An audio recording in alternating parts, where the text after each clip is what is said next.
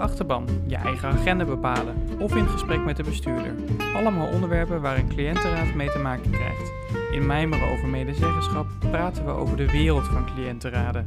Van visievorming tot observeren in de praktijk, alles komt voorbij. Mijmeren over medezeggenschap is een podcast van LOC voor cliëntenraden.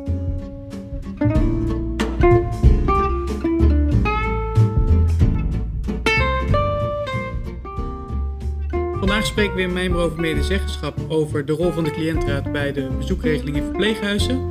Uh, dit gesprek voer ik samen met Nel Zuur, voorzitter van de Centrale Cliëntenraad van Marande. Welkom Nel. Dankjewel. Leuk dat je uh, bij, deze, bij het gesprek wil uh, aanschuiven. Um, zou je voor mij en voor alle luisteraars kunnen toelichten um, hoe je betrokken bent geraakt bij de Centrale Cliëntenraad van Warande? Oh, eh, dat is een heel verhaal. Uh, mijn uh, echtgenoot woonde in Huizen Valkenbos in Zeist. En van daaruit ben ik in, voorzitter geworden van de lokale cliëntenraad Valkenbos. En dat was in de tijd nog binnen Antros. Ik werd daar heel snel ook voorzitter van de centrale cliëntenraad. Het is een fusie geweest tussen Antros en Warande in 2014. En daarna ben ik in de centrale cliëntenraad gekomen. En sinds twee jaar ben ik voorzitter van de centrale cliëntenraad. Sinds twee jaar. Oké, okay, ja. dus dat is een, niet heel erg lang, maar je hebt wel een langere ervaring binnen de uh, medezeggenschap. Ja, acht ja, jaar. Ja. Okay, ja. Hey, en we spreken elkaar uh, vandaag echt specifiek over hoe is jullie cliëntenraad omgaan met de, de sluiting van verpleeghuizen uh, in het begin van de coronacrisis en hoe hebben jullie toegewerkt naar het vaststellen van een bezoekregeling. Kan je ons meenemen naar het helemaal het begin van die sluiting van de huizen, hoe dat bij jullie ging? Ja, nou voordat die lockdown kwam, uh, was er al een bezoekregeling afgesproken. Een maatwerk per locatie, wat kan er wel, wat kan er niet. En zowel de bestuurder als ook de centrale cliëntenraad was hevig teleurgesteld toen er een volledige lockdown kwam. En uh, we hebben in die tijd ook wat contact gehad van, nou wel, was het LOC? Want ja, maatwerk heeft toch de voorkeur. Het gaat natuurlijk om de veiligheid, daar is iedereen van overtuigd. Maar het gaat ook om kwaliteit van leven van de bewoners. En dat vonden wij, dat is een deel van de centrale cliëntenraad, dat het toch ondergeschoven kind was in het begin. We hebben daar ook samen nog contact over gehad. Dus er was een beetje maatwerk, waar we blij mee waren, maar dat mocht niet meer. Hoe zag dat eruit, dat maatwerk bij jullie? Dat de locaties waar geen corona was, daar kon er toch nog wel uh, kon een bezoeker komen. Bij okay. een bewoner. Ook wel gedoseerd, eentje, eentje ja. En uh, dat werkte op zich best wel, maar toen mocht het, dus mocht, het mocht gewoon echt niet meer. En dat betekent, en daarna krijg je dan alle beelden die dan ook wel uh, over de wereld gaan. Van uh, de hoogwerkers en mensen die toch over het hek proberen te klimmen. Nou, dat is gewoon heel vervelend ja, geweest. Dat, dat, was bij jullie ook het geval? Op één plek is dat geweest. Er werden hekken geplaatst, er werden linten geplaatst. Uh, opnames. Wel heel leuk van een bewoner die jarig was. En zijn kleindochter die speelde harp beneden op het gazon voor haar opa. Wel heel leuk, maar gaat wel voorbij aan toch die kwaliteit van leven, het opgesloten zijn, het opgesloten gevoel van bewoners. En er waren ook bewoners die wel binnenshuis wat bewegingsvrijheid hadden, maar ook bewoners, hele huizen, waar de mensen echt een paar weken op hun kamer moesten verblijven. Alleen op hun kamer? Alleen ze mochten niet kamer. naar buiten? Ze mochten niet naar buiten, ze mochten ook niet de gangen in. Ja, en dat moet ik eerlijk zeggen, dat vind ik mensenonwaardig. En wie heeft dat dan besloten dat dat niet mocht? Uh, in het kader van de veiligheid. He, want de gangen waren te smal, mensen zouden elkaar tegen kunnen komen. Er waren een paar mensen besmet. Uh, we konden dat moeilijk isoleren. Besmette mensen die aan het dwalen waren. Dus het hele huis ging dus echt dicht. Ja, en, en dat kwam dus ook omdat er bijvoorbeeld te, te weinig uh, beschermingsmiddelen waren voor de medewerkers? Nee, nee? nee dat niet. Okay. Ik moet zeggen dat Warande wat dat betreft, uh, mogen ons gelukkig prijzen, daar is nooit een tekort geweest aan beschermingsmiddelen hebben ze toch een vooruitziende blik gehad. Een inkoper die daar heel scherp op is geweest. Dus dat was het punt niet. Ja. Alleen kreeg natuurlijk in het begin, werd ook gezegd, medewerkers moeten toch komen werken. Uh, nou, daarin zijn keuzes moeten, hebben ze keuzes moeten ja. maken waarvan je achteraf zegt, was niet handig. Maar niet zozeer de beschermingsmiddelen, daar was niet echt een gebrek aan. Maar men was er wel heel terughoudend in. Ja, en het niet kunnen verlaten van de kamer was, had het dus vooral mee te maken dat bewoners elkaar in de gangen konden treffen en niet die afstand klopt. konden houden. Ja, klopt. Oké, okay, okay. ja. En uh, heeft het ook tot de eerste versoepelingen geduurd voordat mensen daadwerkelijk weer hun kamer mochten verlaten. Ja, er zijn, dat- er zijn huizen waar inderdaad mensen echt twee, drie weken op een kamer gezeten hebben. Dus tussen het begin van de, zeg maar, het algehele bezoekverbod Ja, ja. en het moment dat ze en weer... het weer coronavrij. En daarna, Ja? en daarna nog twee, drie weken voordat ze dus echt... eh, dus Ja, dat gaat- ja, Ja, het gaat echt, wel een flinke echt een periode hele lange periode. Ja, Ja. ja. En je zegt, er waren wel alternatieven van bezoek mogelijk. Nee, in eerste instantie helemaal niet. Helemaal niks? Nee, ja, beels bellen. Ja, Maar precies. voor een grote groep bewoners is dat niet haalbaar. Ze kunnen het, of ze begrijpen het niet, of ze hebben slecht gehoor. Mhm. Dus dat is voor een beperkte groep is dat een optie, een alternatief, maar voor een aantal ook niet. Ja, en ik hoorde ook bijvoorbeeld vanuit kanten van medewerkers dat ze het als erg tijdrovend eh, ervaarden om met iedere individuele bewoner een aparte beeldbelverbinding tot stand Ja, te brengen. klopt, ook dat. Ik moet zeggen dat in de Huis van Warande de afdeling Cultuur en Welzijn heel veel werk verzet heeft. Die hebben echt geprobeerd om de bewoners toch actief bezig te houden, om wat leuke dingen met ze te doen, om ze ja, wat actief te houden. eh. En die hebben ook voor een deel die taken op zich genomen wat dat beeldbellen betreft. Dus er werd wel heel veel goede dingen gedaan. Maar een medewerker kan natuurlijk nooit het gemis van een naaste eh, vervangen. Nee, en ook de behoefte die mensen gewoon hebben aan fysiek contact en Ja. men- elkaar zien. Ja. Ja, dat kan je Ja. inderdaad niet vervangen met een, eh, een leuke tablet voor je waarop je eh, wel die naaste kan zien, maar hij of zij is er niet. Is dat niet? Ja. Nee, nee. En, en naast dat beeldbellen, wat kwam er langzaamaan nog meer op langzaamaan kwam dat het raamcontact, hè, achter Ja. de plexiglas. Nou, en dat, per locatie was dat wat anders. Eh sommige zat, de bezoek zat buiten en de, de bewoner zat binnen. En dan was het toch een microfoontje over en weer. Eh, bij anderen eh, was het, hadden ze een aparte kamer met een raam. Waar het kon, in één huis hebben ze in de, de sluis tussen de voordeur en de tussendeur een plexiglas scherm geplaatst en nog een kamerscherm, zodat het een beetje afgeschermd was. Ja, het waren allemaal al stapjes ter verbetering, eh, maar ja, bleef lastig. En was het allemaal vanuit het initiatief van Warande? Of eh, hebben naasten aangegeven dat ze daartoe mogelijkheden zagen? Of, of heeft de cliëntenraad daar bijvoorbeeld een rol in gespeeld? Nee, werd ook veel door de organisatie zelf al opgepakt. Onder druk natuurlijk. Ja, eh, binnen Veranda was het een crisisteam, Ja. wat drie keer per week bij elkaar kwam. Daar werd elke keer een besluitenlijst van gemaakt. Die werd meteen gecommuniceerd, zowel in de lijn als naar de cliëntenraden en de ondernemingsraad. Ja? Dus we werden echt constant heel goed geïnformeerd over welke stappen er gezet konden worden. Eh, dus dat was op zich heel erg prettig. En ja, de organisatie weet op een gegeven moment ook wat er kan en wat er niet kan. Kent ook de, de wettelijke mogelijkheden. Dus er werden heel veel dingen ook in gang gezet. ja. En was het ook voor jullie voldoende op die manier geïnformeerd te worden? Eh, ja, de informatievoorziening, zeker centraal, was uitstekend. Eh, op lokaal niveau was dat wel wat lastiger in het begin, omdat de organisatie erg gefocust was op de zorg om en met de bewoners. En de eh, aandacht richting contactpersonen, en dat schaak ik dan de cliëntenraad ook even onder, Ja. was in eerste instantie wat minder. Oké, dus de, de, de zorg aan bewoners, die, zeg maar, die laten we zo zeggen, bleef op peil. Ja, Ehm, ja. Maar het contact met, met, met zeg maar, de, de, de, de eerste contactpersoon, de meest directe naaste, dat bleef nog wel eens. dat heeft het even Ja. een aantal weken geduurd voordat het goed op gang kwam. De mensen thuis willen weten wat er gebeurt, hoe het gebeurt, eh, hoe de situatie ter Ja. plekke is. Kwamen daar veel vragen uit voort?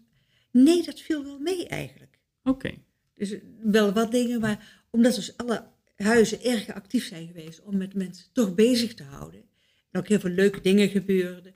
Ook voor mensen van buiten. Nou ja, dan werden er plantjes gebracht en dan kregen ze eh, taarten. En, en de term corona-kilo die viel nog wel eens. Dus er gebeurde ook wel heel veel en daarover werd ook goed gecommuniceerd.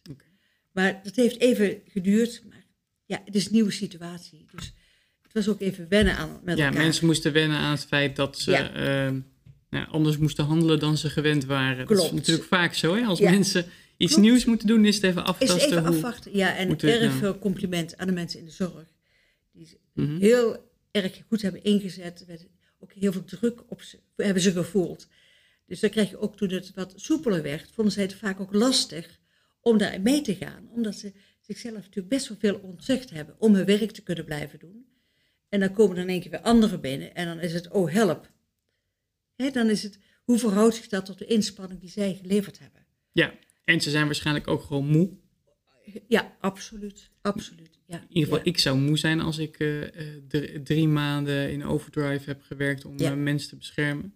Ja, klopt. Ehm, Ja. En hebben jullie nog mazzel gehad dat er voldoende beschermingsmiddelen waren, maar er zijn natuurlijk ook genoeg organisaties waar dat niet zo was. Klopt. Klopt. Dat Dus dat, ja, dat brengt spanning met zich mee, inderdaad. Ja, plus inderdaad, wat doe je privé, zodat je je werk niet eh, belast daarmee, hè, of risico eh, met zich meebrengt.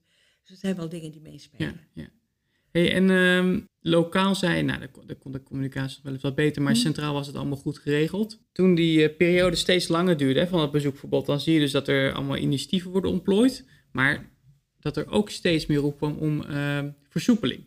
Ja. En jullie zijn het gesprek voor mij best wel vroeg gaan voeren over hoe zou je kunnen versoepelen en zou dat niet sneller kunnen en, en, Ja. en, en hoe doen we dat dan precies? Ja, klopt. En het hoe, dat was lokaal afhankelijk, maar wel kijken van wat kan. En we hebben eigenlijk steeds geroepen, jongens, geef organisaties de ruimte om maatwerk te leveren. Het was, heel lang is het centraal geregeld, vanuit de overheid, Ja. wat wel mocht en wat niet mocht. En dan doe je ook de professionals op de locaties tekort. Die kunnen heel goed taxeren wat er wel of niet haalbaar en, is en niet. Alsof zij zelf niet die afweging zouden kunnen Juist, maken. In juist. samenspraak met Met bewoners, met medezeggenschap, met eh, eh, professionals en artsen. Klopt, Ja. inderdaad. Dus, dus dat vind ik wel een lastige. Vind ik erg jammer dat dat zo lang geduurd heeft. En dat ook heel lang alle aandacht is blij, gericht blij gebleven op dat medische stuk. Ja. De veiligheid. En niet op het En welzijn. niet op het welzijnstuk. Nee, want heb je daar de gevolgen van ook gezien? Ja, Weer in de huizen. ja, dat hoor je. Weet je, dat zie je, dat hoor je. Dat is in onze huizen niet anders geweest dan wat je landelijk daarover Ja. leest. En ja, de laatste weken is het natuurlijk heel nadrukkelijk aan de orde.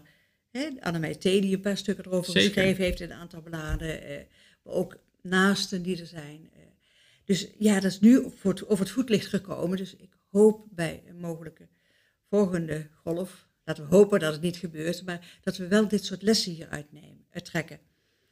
En van de andere kant heb je natuurlijk ook met de mensen buiten, als ik ze zo mag benoemen, ook twee groepen. De ene groep die zegt, ik kan niet wachten tot ze naar binnen mogen. En de andere zegt, we zitten zelf in een risicogroep. We durven niet, we doen het niet. Wie is die tweede groep dan? Want ik Dat hoor zijn- vooral die eerste groep. Ja, maar die eerste groep schreeuwt het harder. De tweede groep, dat zijn mensen die zelf in een risicogroep zitten. Die op leeftijd zijn, die ook gezondheidsklachten hebben, risico's lopen. En die willen het en voor hun naasten in het huis niet doen, maar willen het ook omgekeerd zelf niet een risico lopen. Nee, maar dan hebben we het bijvoorbeeld over de, de, de partner van iemand die in een verpleeghuis woont. Ja, ja, ja. Ehm, of, Of, of eh, kinderen die van 70 plus zijn. ja, nee, dat komt natuurlijk ook steeds vaker voor. Die Dat zijn zeker nogal wat. Ja, zeker. Ja, ja, ja. Oké, en ehm, je hebt dus, nou, je, wat je zegt, die eerste groep die is nou, ja, misschien wat meer gaan eh, schreeuwen, om het zo te Mhm. zeggen. Wat ook op, nou, helemaal niet erg is op sommige momenten natuurlijk. Als het Mhm. gaat om het, eh, het, het naleven van basale eh, eh, mensenrechten. Mhm. Ehm, je, je gaf net zelf aan, er is, was, te weinig kan, was eigenlijk veel te weinig aandacht voor die welzijnskant. Mhm. Ehm, om toch een beetje te filosoferen over de toekomst. Hè? Wat zou jij dan vooral belangrijk vinden eh, bij volgende maatregelen als je het over die welzijnskant? Want we kunnen zeggen, we, we zijn er voor mij allemaal over eens. Er komt geen landelijk bezoekverbod meer. Mhm. Maar wat dan wel? Ik denk je veel in de maatwerk, individueler kijken, klein, kleinschalig kijken. Dus niet op de locatie, maar op de persoon bijna. Eh, afdeling. Afdeling, oké. Ja, nou, de autonomie, autonomie van de bewoners, Ja? die is behoorlijk onder druk komen te staan. Op een gegeven moment was er ook bijna een rechtszaak gekomen. Hè, om dat basisgrondrecht van een mens, om dat aan te vechten. Eh, ik hou niet van de harde lijn, maar ik vind wel dat je er rekening mee moet houden. Hè, er zijn ook bewoners geweest die gezegd hebben, mag het mijn keuze zijn? Als ik corona krijg, krijg ik corona. Nee, dat kan ik me heel goed voorstellen. Dus- Kijk, ja, ja, ja. En, en de, dat, dat bezoekverbod is toen ook opgelegd vanuit een totaal andere context. Ik bedoel, dat één was er natuurlijk eh, eh, genoeg reden om eh, bewoners te beschermen tegen de verspreiding van het Mhm. virus. Maar ook één belangrijke afweging die heeft meegespeeld, is dat men wilde voorkomen dat medewerkers op grote schaal besmet zouden raken.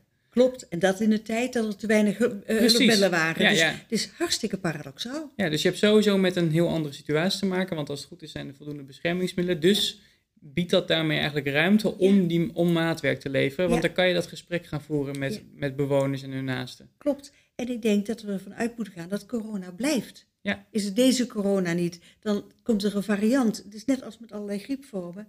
Die komen en die gaan ook. Ja. En, eh, en bewoners zijn oud, ze zijn kwetsbaar. Het zij zo. En natuurlijk konden we de omvang hiervan niet eh, inschatten. En er zijn best wel veel bewoners overleden. En dat is op zich heel triest. Maar anders waren ze. Ja, ze overlijden op enig moment. En je kunt niemand dat dit gebeurt, laat dat helder zijn.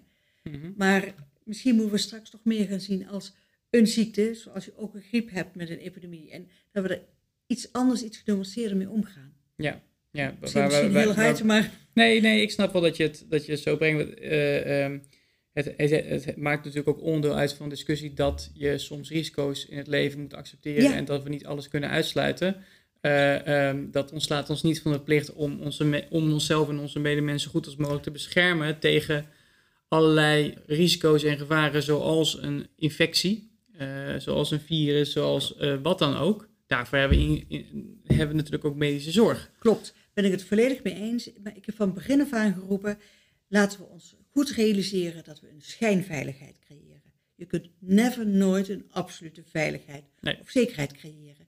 Laten we alsjeblieft daar rekening mee houden. En dat ook erkennen. erkennen, zo goed mogelijk doen, maar wel meten dat tenzij je het echt maandenlang op slot houdt, nooit helemaal kunt uitbannen. Ja, Dus en leer daarmee precies. omgaan. Precies, en wat zijn dan ook vervolgens de risico's van het maandenlang op slot doen van de huizen? Ja, Want en ja, dan zijn de nadelen, de risico's van het welzijn wat onder druk staat, het welbevinden, de kwaliteit van leven. Weeg je die op tegen mensen die dan niet geïnfecteerd zijn? Eh, ja, dat weet ik. Ja, ik denk dat het ergens, de balans ergens doorgeslagen. ja, en daar heb je dus wel wat langer onderzoek voor nodig om te kijken van wat zijn nou daadwerkelijk de gevolgen geweest van... Ja, ehm, Klopt. En daarin vond ik dat stuk van Ja. Annemij T. erg goed. ja, zeker, En zij is inhoudelijk deskundig, dus zij weet ook echt waar ze het over heeft. Ja, en daarnaast worden ook een aantal eh, diepteonderzoeken uitgevoerd in een paar verpleeghuizen om te kijken van hoe, hoe Mhm. verspreidt dat virus zich nou überhaupt? Want je kan wel iets op slot doen, maar als dat virus op een heel andere manier ook via medewerkers die geen symptomen vertonen, maar wel besmettelijk zijn, zo binnenkomt, ja, dan ben je, eh, ben je heel ver van huis. Dat bedoel ik, dat is die schijnveiligheid die het op een gegeven moment was. En daarmee leg je ook een dan legde je ook een hele zware druk op die medewerkers. Ja, en zij gingen Als zich dan- daarvoor, daardoor heel verantwoordelijk voelen. Ja, Ja. want als er dan toch het virus in huis komt, moet het door die medewerkers ontstaan zijn. Nou, dat is een behoorlijke mentale druk die je op mensen Ja, legt. ja. Dus- En dan ook nog eens, nou, is niet, wat niet, dus niet bij jullie zo was, maar dan moet je ook nog eens daar gaan werken. Ja. Zonder dat je je kan beschermen op een juiste manier, dan wordt die mentale druk nog veel groter. Ja.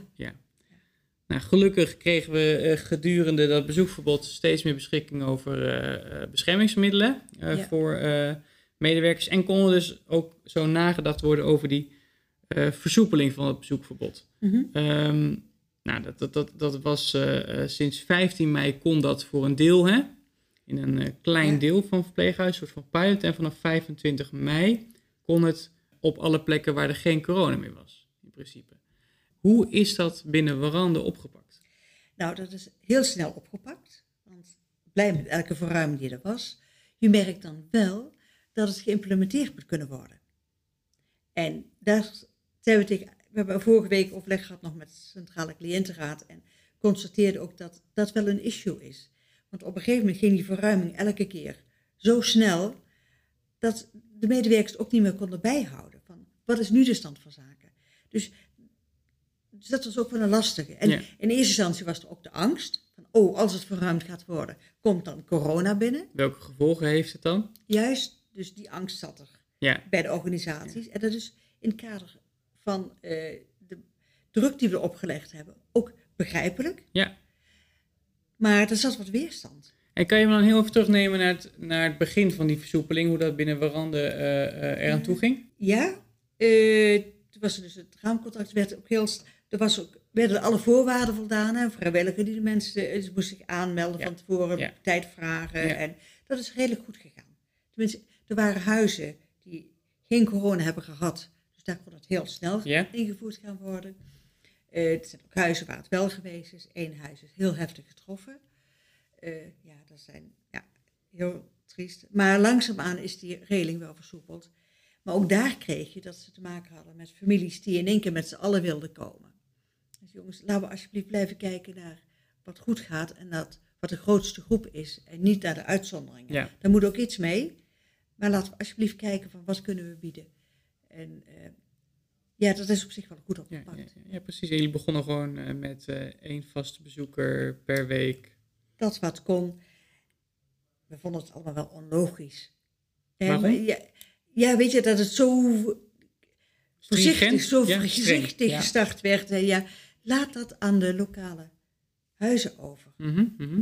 Want zeg je daarmee dat er ook een soort van warande breed beleid was over die bezoekregeling? Het was een breed beleid. En daarnaast de lo- lokale invulling daar waar dat kon. Oké, en, en, en hoe was dan de betrokkenheid van de cliëntenraad of de cliëntenraden daarin?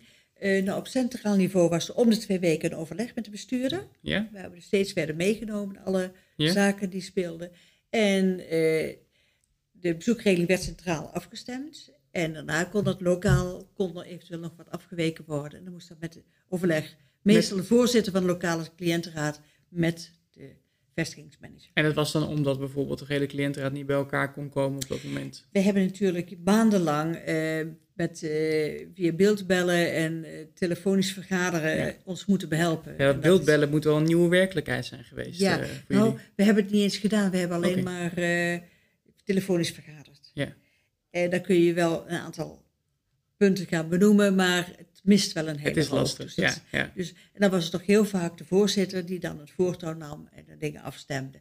En dat terugkoppelde aan andere, Oké, andere leden. en is dat naar tevredenheid gegaan? Vanuit jouw perspectief? Vanuit jullie perspectief? Ja, Ja? Wat, ik, wat ik voor zover als ik het heb kunnen beoordelen, ja. Ik heb zelf ook een aantal keren met verschillende voorzitters contact gehad. Hoe loopt het bij jullie? Mhm. Met name de huizen waar het slecht ging. Ja. Huis waar het goed is gegaan.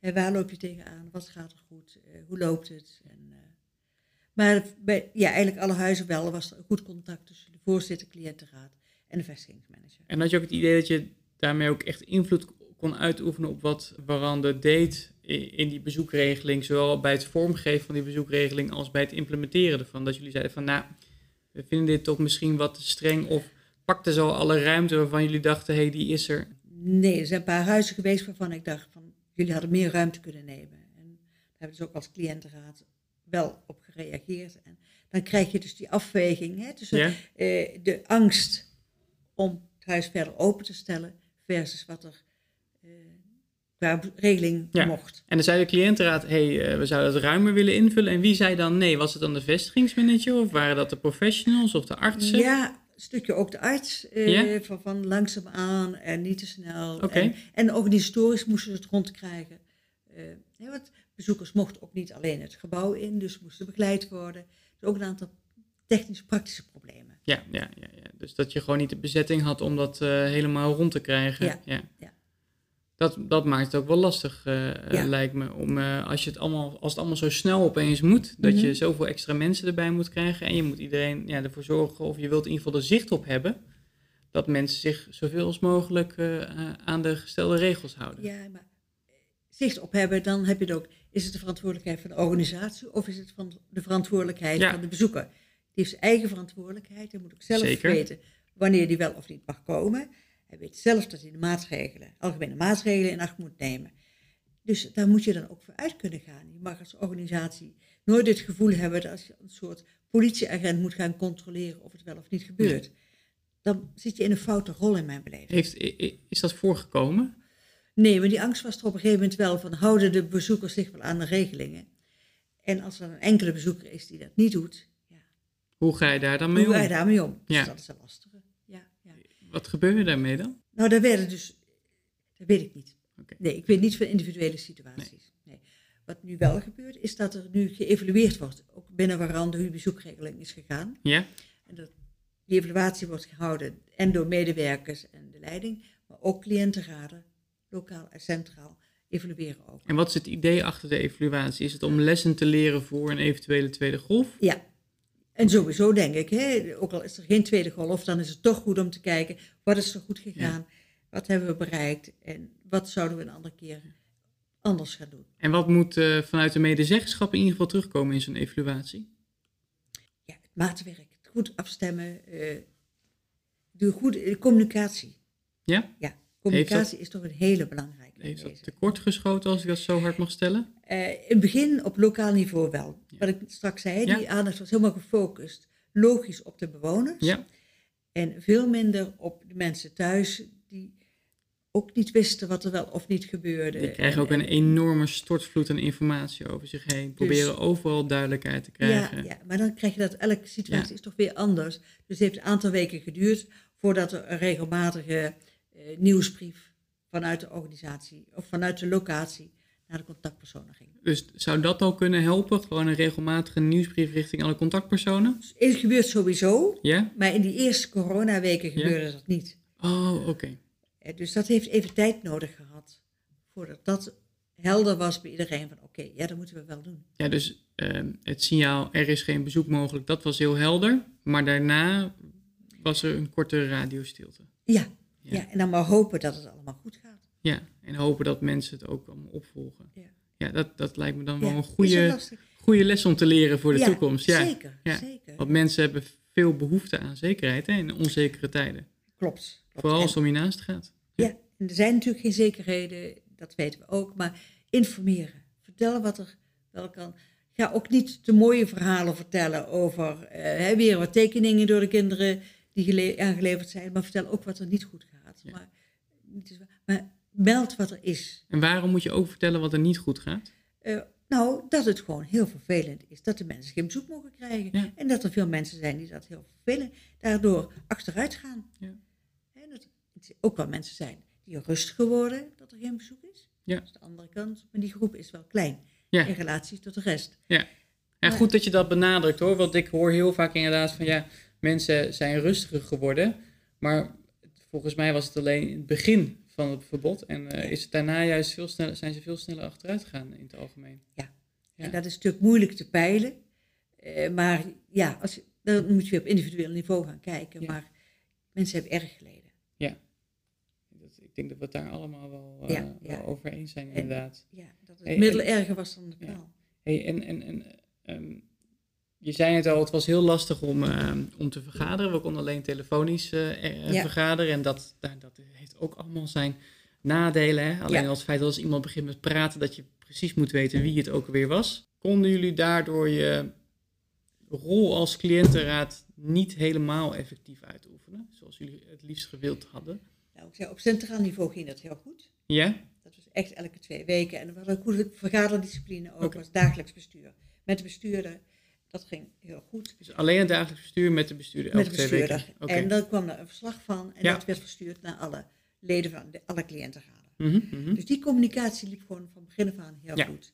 En lokaal was lastig. eh, ja, Wat en- kunnen we daarvan leren? dat je elkaar moet blijven opzoeken. Dat je moet blijven, ja, Ja. snel- goed contact, snel contact. eh, nu een stuk beter. Er zijn ook wat organisatorische veranderingen geweest in die periode. Maakt het ook even heel Ja. lastig. Eh, maar, dus ik heb het idee dat dat nu getackeld is. Dat gaan we de volgende keer niet meer Nee, gebeuren. nee, nee. Maar zorg van begin af aan eh, dat de focus niet alleen op naar binnen gericht is, maar Ja. ook via de cliëntenraden in ieder geval ook met de wereld buiten. Ja, precies, precies. En, en zou dat ook kunnen betekenen dat je bijvoorbeeld lokale cliëntenraden op een andere manier ondersteunt in zo'n situatie?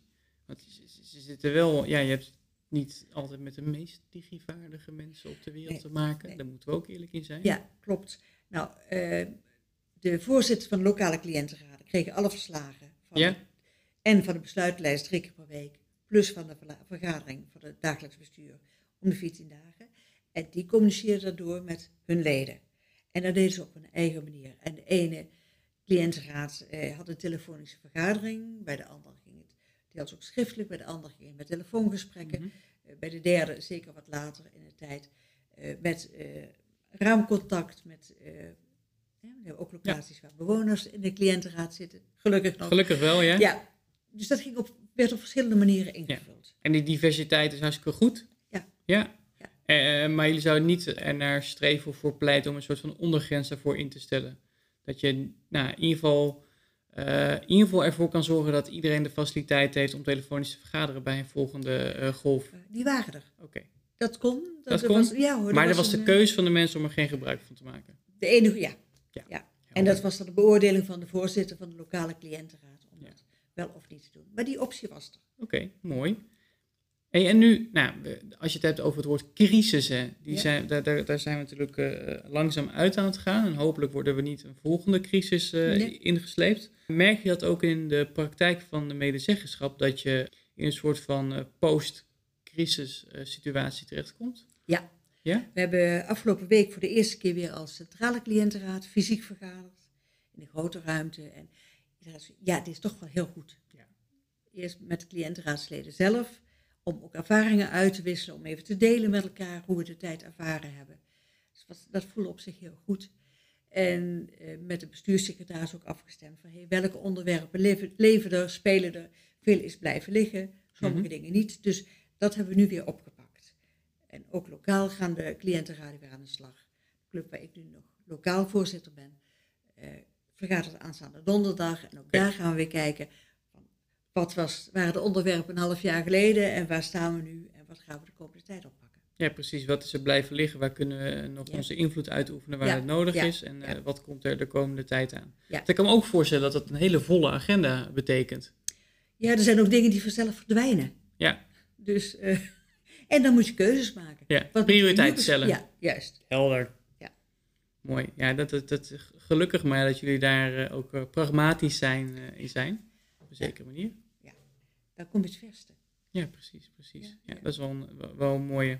Dank je wel. Volgens mij heb je een heel mooi inzicht gegeven in hoe, een, eh, eh, hoe het werk van de cliëntenraad in coronatijden eruit ziet. Mm, Kan zien. Kan zien, kan zien. Hè? Maar vanuit jullie perspectief Ja, inderdaad. ja, het ziet ja. eruit van- vanuit Ja, jullie ja. perspectief inderdaad. Als je nou nog één aan andere cliëntenraden nog een tip zou eh, kunnen meegeven. Communiceren, zodat je open contact houdt. Goed en transparant. Je hebt een gezamenlijk probleem, probeer het gezamenlijk op te lossen. Ja, dus eh, een gezamenlijk probleem heb je het over een, een gezamenlijk probleem met de organisatie ook, hè? Ja, nee, met, bijvoorbeeld met het coronacrisis. Ja, Hè? Je hebt een gezamenlijk probleem. Je wil allebei dat de organisatie, dat de bewoners met z'n allen er goed uitkomt. Ja. Gezamenlijk belang. Dus je moet er samen voor gaan staan en kijken van hé, hoe kunnen we hier samen uitkomen. Ja. Maar dat ligt eraan hoe de twee partijen of de twee groepen daar tegenover Ja. staan. Ja, het helpt Eh, al als jij als cliëntenraad, als medezeggenschap op die manier instaat. Ja. Dan kan je alleen maar de hand uitsteken naar de ander om eh, hetzelfde te doen, toch? Klopt. En Ja. wij verkeren in de gelukkige omstandigheid dat bij ons absoluut van beide kanten zo is. Ook de bestuur is heel transparant en eh, zoekt ook de contacten, de communicatielijnen kort. Dus ja, dat, dat gun je eigenlijk elke organisatie. En elke En cliëntenraad. elke cliëntenraad. Ja, Dankjewel. graag gedaan. Dit was alweer de derde aflevering van Mijmeren over medezeggenschap. Deze podcast is een initiatief van LOC Cliëntenraden. Je kan ideeën of suggesties voor deze podcast altijd achterlaten op www.cliëntenraad.nl en wees welkom om een recensie achter te laten op iTunes of via Spotify.